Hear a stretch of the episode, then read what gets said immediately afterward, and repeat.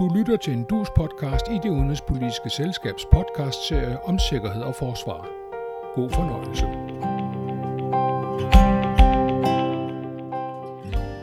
Yevgeni Prigozhin og hans vagner her kom, så og tabte. Men tabte præsident Vladimir Putin også, og hvor efterlader oprørsdramaet Belarus-diktator Lukashenko, der fik mailet en aftale mellem Putin og Wagner-gruppen hjem. Det handler i sidste ende om Ukraine, og hvordan det fejlslagende Wagner-oprør påvirker ukrainernes mulighed for at føre den befrielseskrig, de er i gang med. Og hvad med Vesten? Hvilke Rusland skal vi nu alle til at forholde os til? Alt det skal den næste halve time handle om. Jeg er det udenrigspolitiske selskabs faste sikkerheds- og forsvarspodcaster Tage Bagmand. Med mig denne gang er selskabets direktør Charlotte Finn Petersen, der kender både Rusland og Ukraine indefra. Velkommen til dig og til alle, der lytter med.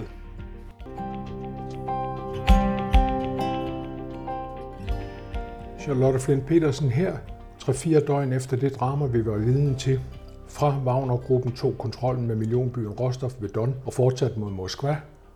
Og til Wagner-leder Prigozhin gav op efter, at præsident Putin havde bedt Belarus-lederen om at male, så er der stadigvæk meget store forskelle i vurderingen af, hvad alt det her har flyttet af magtstrukturerne i øh, og også omkring Rusland.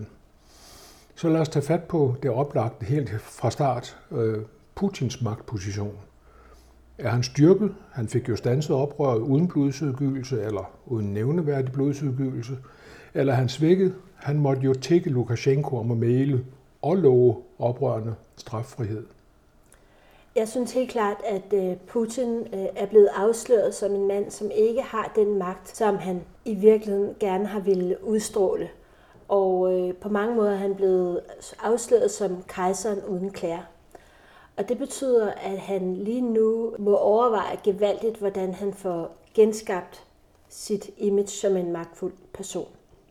Så han, jeg synes, han står svækket, også selvom det løste ham, at han hurtigt løste problemet om, med, med Prigozhin og, og, og valgte den her våbenhvile. Men normalt, når han kalder nogen en forræder, så forsvinder de fra jordens overflade. Og her ser man, at det var ikke det, der skete med Prigozhin. Han fik faktisk en, en mulighed for at komme væk. Den omstændighed, at det til synligheden var Vladimir Putin, der ringede til Alexander Lukashenko og, spurgte og bad ham om at male. Hvad gør det ved Putins standing i hans egen kreds? Jeg tror, at man skal forstå, at i virkeligheden så er problemet med Putins egen kreds, det er, at de har ikke meget øh, energi, der er ikke meget øh, action der, så øh, den er på en eller anden måde blevet forstenet. Vi, vi, der er mange, der sammenligner lidt den her tid med tiden under Brezhnev og, og, og i årene efter med Andropov og Tjernjenko. Altså sådan meget lidt initiativ, stor energi i, i, i processen. Så derfor i hans eneste kreds, med, der er, tror jeg, at hans magt er intakt. Fordi man ved godt, hvad der sker, altså hvad, hvad han kan finde på i den sammenhæng. Men problemet er, at samlet set har de jo ikke nogen, har de vist, at de ikke har særlig meget magt, og ikke særlig meget øh, innovation, kan man sige, i forhold til at, at, at sørge for, at sådan noget ikke kommer til at ske. Fordi Prigozhin har jo været et problem i flere måneder, og det har taget dem meget lang tid at nå til en eller anden løsning. Og, øh, og, og da de så finder en løsning, jamen, så finder han et smart modtræk. Og det er det, vi, det er det, vi så nu. Altså, hvor den løsning, de havde fundet på, det var jo, at øh, hans soldater, Wagner-soldaterne, skulle øh, indrulleres i den almindelige hær, og at han selv fik udstedt en arrestordre. Øh, og det var det, der ligesom tvang ham til at reagere, fordi hvordan skulle han komme ud af den situation? På den ene side var hans magt ved at forsvinde, ved at soldaterne ligesom blev indrulleret i den almindelige her, og på den anden side, så stod han sådan set også til en, at, at, at blive øh, komme, kom i fængsel. Og når man først kommer i fængsel i Rusland, så ved man ikke, hvor det ender. Du nævnte øh, de tidligere sovjetledere, Brezhnev og Tjernjenko og Andropov, øh, og, og den der tid med meget svage ledere i begyndelsen af 80'erne. Men dengang var der jo på plads en centralkomité og et politbyrå, som var den instans, der kunne agere og sikre en kontinuitet. Det var ikke lige heldigt med de to valg, de, de fik, men det var så også det politbyrået, der i syv, til syvende og sidst valgte Gorbachev. Hvem øh, har politbyråets rolle i Putins magtsystem? I dag er der det, der hedder Sikkerhedsrådet, hvor du har øh, Nikolaj Patrushev som formand, en meget magtfuld person, og også en ideologisk øh, meget stærk, altså sådan en overbevist person. Så det er ikke en mand, som umiddelbart er, er den, der har beriget sig. Han, er, han sidder der af overbevisning, og han er også en af en Andropovs drenge, kan man sige. Øh, og på mange måder har han hans karriere sådan parallelt med Putin. Så, så Sikkerhedsrådet er sådan set det, der svarer til politbureauet, og det bliver Sikkerhedsrådet, der formentlig afgør, hvem der kommer til at erstatte Putin, hvis det overhovedet er. Men lige nu er det stadigvæk Putin, der bestemmer over Sikkerhedsrådet. Der gik øh, et, halvanden, to døgn fra Prigozhin meddelte, at han havde bedt sine styrker om at, at vende tilbage til deres feltbaser, og til vi hørte noget fra øh, Putin. Hvor karakteristisk er det, at han, om jeg så må sige, tager sig tid til at finde ud af, hvad han skal sige, og så taler han kun i fem minutter og siger i virkeligheden ikke så forfærdeligt meget? Det er utrolig karakteristisk for, for Putin. Altså han er øh, i virkeligheden ikke en, øh, altså en proaktiv person. Han er meget mere en, en, en, sådan en person, som er reagerende. Øh, han er opportunistisk selvfølgelig, i hvis han ser en mulighed, men når han på den måde er en angriben part, der, der, der vil han i virkeligheden hellere holde sig i baggrunden og lade andre gå ud. Øh, det er meget mere karakteristisk for ham. Så han, han vil gerne tage æren, når det går godt, men han er ikke den, der går ud og bærer, når det går skidt. Altså vi så jo i sin tid, altså en af hans første store katastrofer, det var jo, øh, da ubåden Kursk, atomubåden Kurs sank i starten af hans præsidentperiode, hvor der gik rigtig, rigtig lang tid, før han kom på banen, altså flere dage. Det er han virkelig blevet dømt for sidenhen. Du siger, at han lader gerne andre gå ud og, og ligesom tage tæten, når der er sådan en... Men vi så jo ikke nogen gå ud øh, i, i, i de døgn, vi taler om. Øh, jo, måske Moskvas borgmester en smule, men, men ellers var der jo ingen, der ligesom talte for det russiske styre. Nej, det, det er også øh, altså, meget interessant, at der var så stille. Øh, du hørte heller ikke fra, fra Patrushev, altså Sikkerhedsrådsformanden. Så her var det jo sådan set Putin, der gik ud, og det var jo også et signal om, at det her var et opgør mellem Putin og Prigozhin. Selvom at angrebet, Prigozhins angreb gik mod Shoigu, forsvarsministeren, og Gerasimov, øh, hvad hedder det, herrchefen, Øhm, men det var Putin, der kom ud, fordi man vidste godt, det her, altså Prigozhin er Putins dyr. Det er ham, det, Prigozhin er blevet stor på, på at levere ydelser til Putin. Så der var kun en, der kunne gå ud og sige, hov, hov, hvad har du gang med? Men det er jo interessant nok, når Prigozhin gennemfører sådan en revolte og siger, at det handler om, at jeg godt vil have stillet forsvarsministeren, og jeg godt vil have stillet Øh, generalstabschefen Gerasimov til, til ansvar for deres svigt, som han kalder det. Og så ser man, dels ser man ikke Putin i, i øh, halvanden, to døgn, men i den situation, og, og i en nation, der er, øh, er i krig, som de ikke kalder det sådan, der ville det jo have været vigtigt, at man meget hurtigt fik præciseret, at forsvarsministeren og øh, generalstabschefen, som også er øverstbefalende for de kæmpende øh, på Ukrainefronten, Øh, Øh, at de stadigvæk er til stede og i funktion. Men man hørte ikke fra dem, og man så ikke nogen billeder af dem før, øh, faktisk før Putin øh, selv kom på banen. Nej, det er, det er virkelig øh, tankevækkende, og det viser i virkeligheden også, hvor lidt magt de her personer har. At det her, det er Putins krig. Øh, og, men at Putin måske er ved at blive træt af den krig, fordi han, er, han ikke aner, hvor han skal. Hvad er det, hvor skal, hvad skal han gøre nu? Han er, han er på en eller anden måde, har han ikke en idé om, hvad skal være hans næste træk? Fordi det går jo ikke godt på, på slagmarken. Det går ikke godt øh, netop i, i relation til det, Prigozhin gør. Prigozhin er ved at få fat i fortællingen. Altså det, han, når han går ud og siger, at, at de skal stilles til ansvar, så taler han jo til den russiske befolkning, som minimum har mistet 100.000 mænd i den her krig og han taler til dem, og, og det, det, der var interessant, var jo også, at der, altså, befolk, altså, de folk, der gik ud på gaden i Rostov, når der nu, de, øhm, altså de, de var jo bakket jo så, de så ham som en frihedshelt. Så han har haft en vis succes i at tale til befolkningen via sit telegramkanal og via sin medieimperium.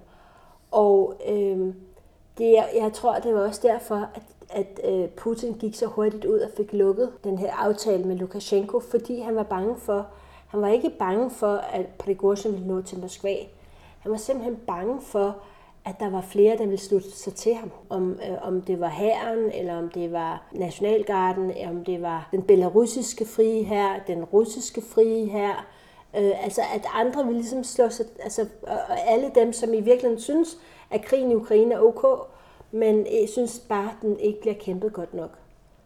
Øh, og at Prigozhin er på en eller anden måde en garant for, at, at det vil gå rigtigt for sig. Men hvorfor, det ved vi selvfølgelig ikke, men vi kan spekulere, hvorfor sagde Prigozhin så ja til en aftale øh, med Lukashenko? Hvorfor gav han op? Jamen, jeg tror, det var aldrig Prigozhins øh, hensigt at nå til Moskva. Han vidste jo godt, det kunne ikke lade sig give sig. Hans hensigt var i virkeligheden og sikre sig en deal, som han kunne leve med. Sikre sig formentlig også, et, øh, altså at hans penge, som øh, han har fået, øh, altså som han har fået ved at altså tjene gennem alt det her, han har lavet sammen med Putin, og øh, at han kunne få de penge, at, øh, at sikre sig, at øh, han ikke blev sat i fængsel, og håbe på, at, at, at, at han i hvert fald kan få en lille gruppe af de her Wagner-soldater i forhold til det videre. Og så har han jo også en hel operation i Afrika. Og den øh, har han jo ifølge udenrigsministeren, så vil, så vil den operation jo fortsætte. Men bliver det under Prigozhins ledelse? Det er måske også en del af den aftale, der er indgået om, altså, at han, han får lov til at fortsætte der, for den er jo meget lukrativ. Udover det, han får leveret fra staten, så er der øh, alle mulige udvindinger af, af metaller og diamanter og alt muligt, som han får. Og han er jo sådan, altså det er jo sådan en øh, Øh, assistance til autokrater, øh, et service, han leverer i Afrika. Ikke? Øhm, øh, så autokrater, der gerne vil blive på magten, hvordan gør vi? Svindler valg, bodyguards, øh, undertrykkelse, alt sådan noget. Ikke? Så, og det gør han mega godt. Og, øh, og det kan være, at, at det er så også en del af aftalen, at han, får, han skal lukke sin business ned i Ukraine, og han får lov til at bevare det. Så det er igen det her med, at det er jo bare et, en gangster. Altså, det, det, der er ikke så meget ære på spil her. Det handler simpelthen om, at, øh, at øh, få en god deal. Så vi har muligvis hørt, ikke hørt det sidste til Prigozhin?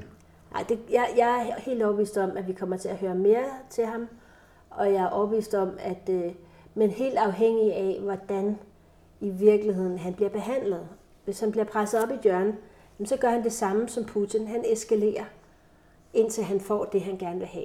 Men ikke formentlig, indtil han når et eller andet overordnet idealistisk mål om at blive, eller eller en, altså en, han har ikke øh, den der kæmpe ambition. Han vil bare opnå det, som han, han kan under omstændighederne. Han er mm, på den måde måske lidt mere realistisk, end Putin er, hvor Putin tror, at han skal være den store øh, redder af, af Rusland, så er, er Prigozhin mere, at jeg skal være, jeg skal bare have, have mit cut, mine penge.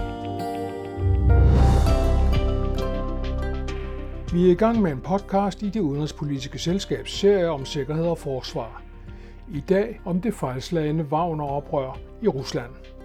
Jeg er selskabets faste sikkerheds- og forsvarspodcaster Tage Bagman, og min gæst er selskabets direktør Charlotte Flint Petersen.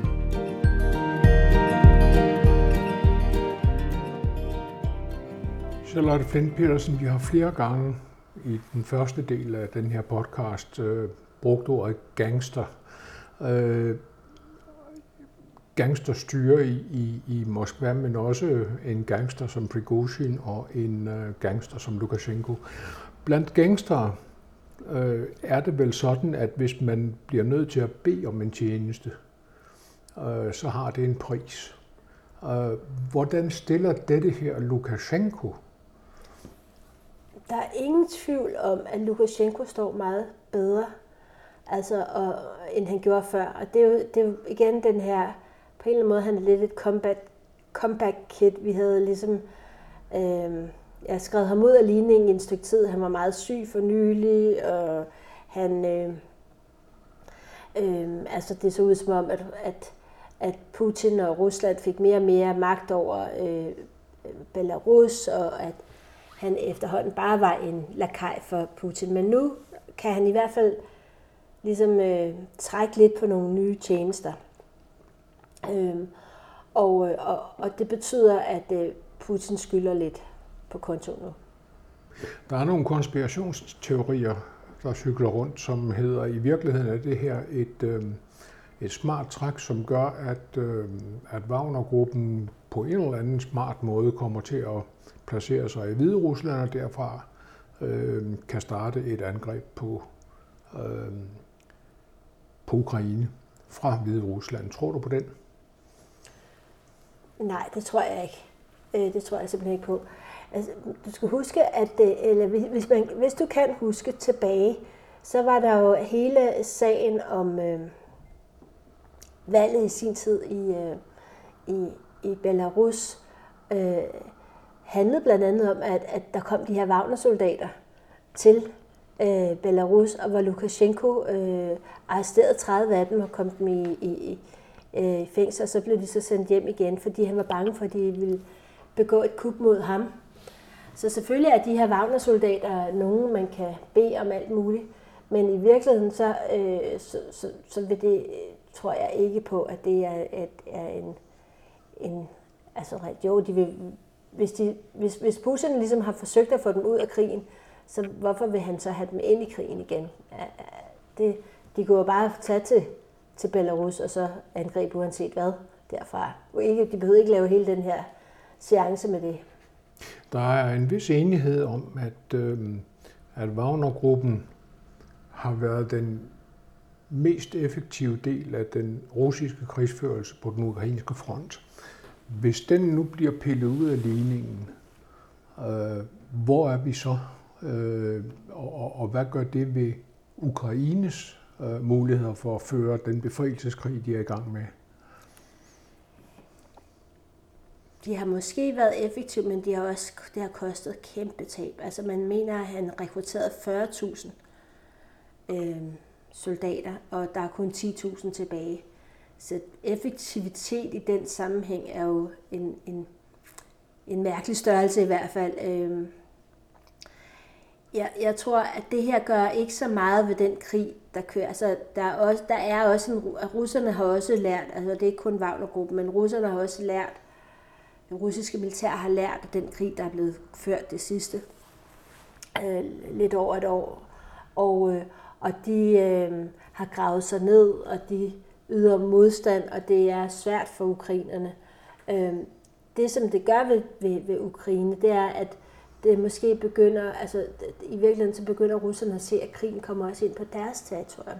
Den kan ikke holdes på ukrainsk territorium, og det gør dem usikre. Og, øh, og der er så mange små ting, som ligesom fører frem til det. Og spørgsmålet er, hvad det betyder på sigt for den, altså for, for også krigsrettigheden i, i Rusland blandt befolkningen. Deres øh, altså opbakning ved ikke at yde modstand, øh, ved ikke at være... Øh, altså der tror jeg, at der vil blive, komme mere og mere frygt i befolkningen. Og den frygt, altså når den forplanter sig for alle år, så er spørgsmålet om, om, om de har den, altså om Putin kan blive ved med at trække på, på, på mobiliserede og folk, der bliver sendt i krig. Og jeg tror allerede nu har han store problemer med at mobilisere mennesker til den krig, og det her vil ikke gøre det lettere. Når Rusland øh, var så ineffektiv i starten af, af, af den her krig, øh, så siger folk, der ved den slags jo, at det blandt andet skyldes, at man i det russiske militære system ikke øh, giver øh, de stedlige øh, militære kommandører øh, tilstrækkeligt meget initiativ. Øh, så man skal øh, op og ned i systemet for at få tilladelse til at gøre et eller andet. En af Prigozhins fordele har været, at han havde et meget større rådrum øh, og selv kunne øh, agere inden for de rammer, han havde, øh, han havde fået.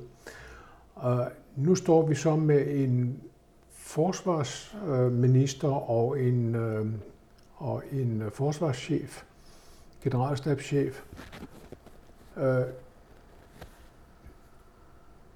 om hvem øh, det er blevet sagt, at de øh, har ansvaret for, at det gik så dårligt, at de skulle fjernes, øh, og, og der er nogen sådan en, en, en fornemmelse af, at hmm, måske har Prigozhin alligevel en pointe osv.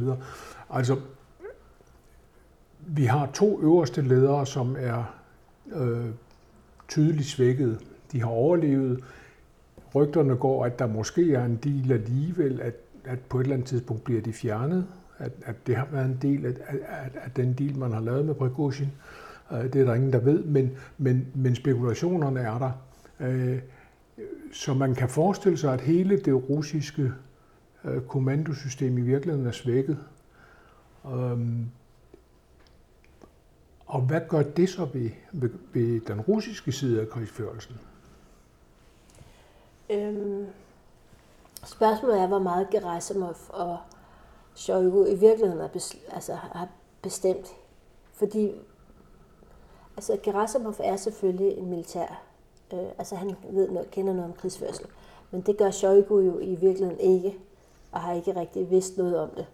Han, er, øh, han kommer, hans baggrund er, at han var minister for beredskabs. Øh. Så, øh, men jeg synes, det som er interessant, der har været en anden, altså den tidligere herrchef, øh, for, altså ansvarlig for, for krigen i Ukraine, Sturda Virken, har jo været ude og prøve at forsøge også at male i den her sag. Og det vil sige, at der er jo nogen på lavere niveau, som er ansvarlig for, for den militære operation, og som, som træder frem og udtaler sig. Så jeg tror ikke, at jeg tror, at det, det som er, hvorfor grunden til, at Shoigu stadigvæk sidder, det er fordi, at Putin, han skal have nogen, han kan, han kan skyde skylden på, hvis det ikke fungerer. Og hvis han så fjerner Shoigu lige nu, jamen så er det stadigvæk hans ansvar, hvis den her krig ikke lykkes. Øhm, og vi har stadigvæk en offensiv i gang lige nu, Øh, og vi ved simpelthen ikke, han ved ikke endnu, vil det lykkes for ukrainerne at vinde den her, altså vinde terræn, og så skal han have nogen, han kan fyre. Øh, og øh, derfor tror jeg, at Shoigu sidder endnu. Men spørgsmålet er efter det her, hvor lang tid han kommer til at sidde. Øh, og det kommer helt an på, om Shoigu i virkeligheden tør handle. Og man har lidt indtryk af, at Shoigu er en eller anden form for ja, sådan en form for, for, for også, altså han, han har ikke særlig meget magt i hele det her system.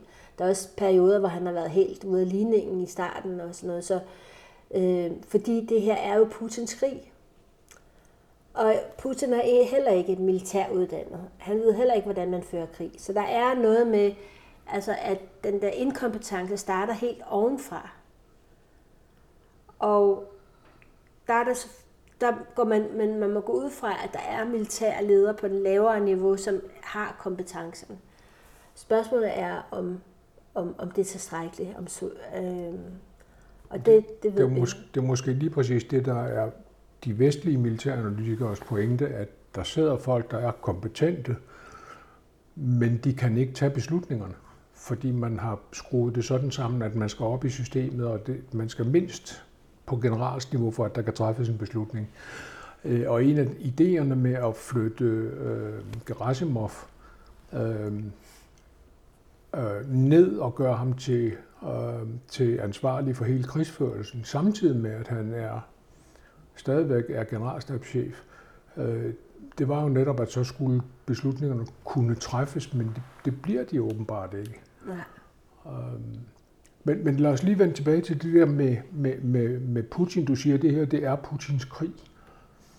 Uh, har Putin noget andet projekt end Ukraine? Altså, hvis man nu forestiller sig, at han bliver træt af alt det bøv med Ukraine, har han så et andet projekt, hvor han kan lægge sine ambitioner? Altså, han har, altså hans store projekt er jo udfor, ud, altså udfordre den vestlige verdensorden. Altså den verdensorden, som han synes USA og Vesten dominerer. Det er hans, hans største projekt, og der kan han måske sige, at det har han været i gang i, og det er gået sådan og sådan. Øh, så det vil han fortsætte med, og det vil sige, at han vil knytte endnu stærkere bånd til Kina, han vil knytte endnu stærkere bånd til Indien, han vil knytte endnu stærkere bånd til Afrika. Altså ligesom at fortsætte den linje, som har kørt parallelt med, at skabe alliancer udenom om Vesten. Det er hans store projekt. Så er der projekter, som ligesom kan af, øh, altså aflede opmærksomheden for den fejl, det fejlslagende projekt i Ukraine. Det vil være at indtage Georgien. Det vil han kunne gøre uden problemer. Øh, det vil være øh, Ja, det vil nok være Georgien, der vil være mest udsat i den her sammenhæng. Og så kunne man sige, at vi fik ikke Ukraine, men vi fik Georgien, det var også vigtigt. Eller Belarus for den sags skyld. Øh, vil han også kunne få uden problemer. Øh, men, men det der med den vestlige verdensorden, det, det er den vigtigste. Det er, det, der, det, det er der, hvor han måske kan hive en, en stor sejr hjem, fordi der er, der er blevet op, altså hele det her med, der er sådan en, man siger, man, de lever i en belejret fæstning, at man, øh, altså man, at, at man, har, man har givet befolkningen den, den opfattelse, at alle er ude, altså især Vesten ude på at angribe den, og, øh, og at det russiske styre beskytter den russiske befolkning mod det her vestlige forfald. Og, og, og, øh, så det er, det, det er et ret stort projekt, som han... Og udfordringen af den vestlige verdensorden, der kan han jo sagtens finde en, en øh, forbundsfælde i i Kina. Øh, omvendt så er Kina jo øh, meget fokuseret på stabilitet først og fremmest. Øh, nu står Putin så bestemt ikke som manden, der sikrer stabilitet, for det, det viste sig jo i de her par døgn, at, øh, at det gjorde han ikke, selvom han nu bagefter siger, at han havde truffet beslutninger osv. Uh, øh, han fremstår ikke som en mand, der, der sikrer stabilitet. Øhm, hans standing i Beijing, øh, har den lidt skade, tror du? Det, det tror jeg helt sikkert, den har. Men jeg tror stadigvæk, at, øh, at de siger, at det, for dem er det helt afgørende, at Putin bliver ved magten. Jeg tror også, de frygter et, et Rusland, der går i opløsning.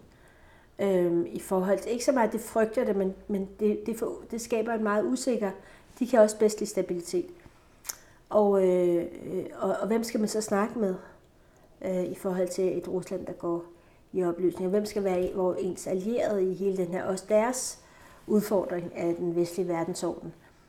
Så, øh, så derfor så er for dem, deres, for deres projekt, eller i hvert fald for Xi Jinpings projekt, er det vigtigt, at Putin bliver ved magten.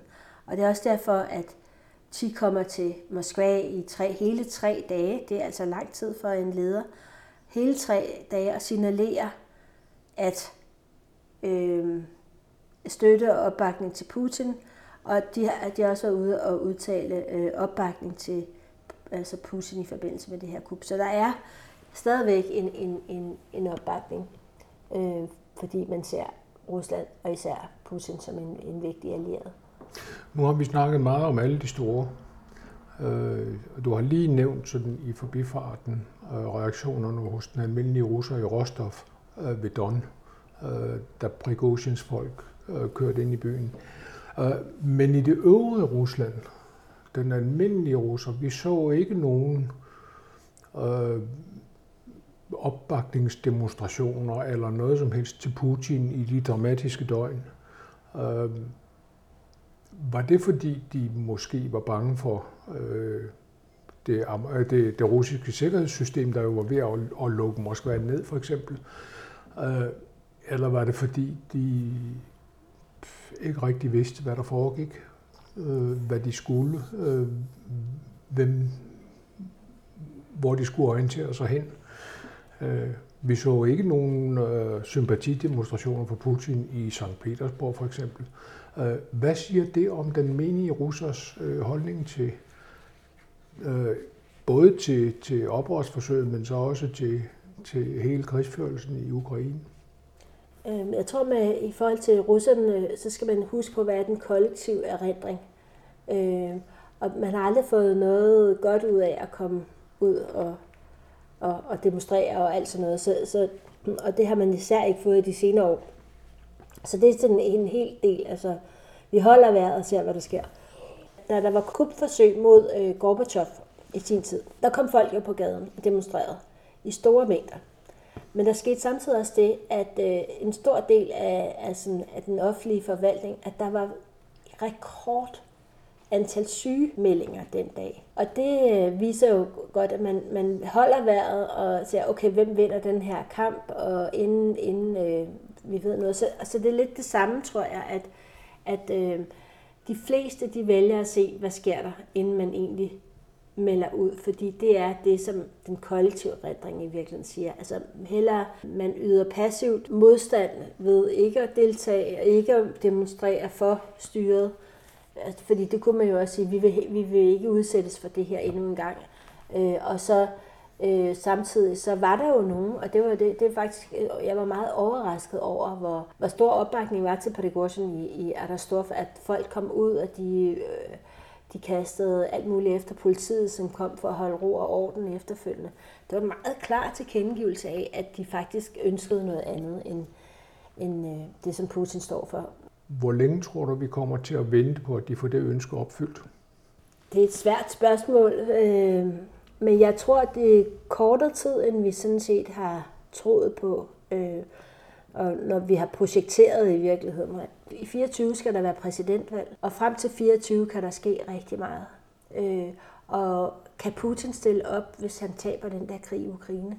Kan han stille op igen og, og, og, og, og sige, at jeg er den store, og jeg vandt over Vesten? Altså, hvad er det for en sejr, han skal fortælle befolkningen øh, på det tidspunkt? Det, det er så spørgsmålet. Så jeg, jeg gætter på, at, øh, at der vil ske meget frem til da. En af de ting, som man tit bliver Altså, der, vi tit siger, hvad hvis der kommer noget, der er værre end Putin? Og der tænker jeg, at altså, Putin er meget slem. Det, han har lavet, er utrolig farligt. Han kan finde på rigtig mange ting i forhold til at bevare magten. Ting, som vi ikke rigtig bryder os om. Vi skal ikke, altså, hvor man siger, han er ikke nogen, altså, han, han har ikke klaret sin autoritære lederopgave særlig godt her, har vi lige set.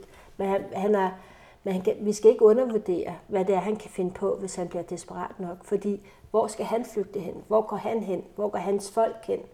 De er fanget i Rusland på den måde. Så, øhm, så jeg, jeg tror, vi skal huske, at, øh, at vi må bare adressere dem, der er der på det tidspunkt, de kommer, og forberede os på at, øh, at få det bedst muligt ud af det. Finde ud af, hvem, hvem kan vi tale med, øh, også inden for, for systemet i forhold til at lave en god overgang. Øhm, og også samtidig bygge vores viden op via øh, den opposition og de folk, der i dag er uden for Rusland. De toner fortæller, at vores tid er gået, og som sædvanligt gået alt for hurtigt. Jeg er det udenrigspolitiske selskabs faste forsvars- og sikkerhedspolitiske podcaster, Tage Bagman, og jeg talte med selskabets direktør, Charlotte Flint Petersen. Tak til dig og til alle jer, der lytter med.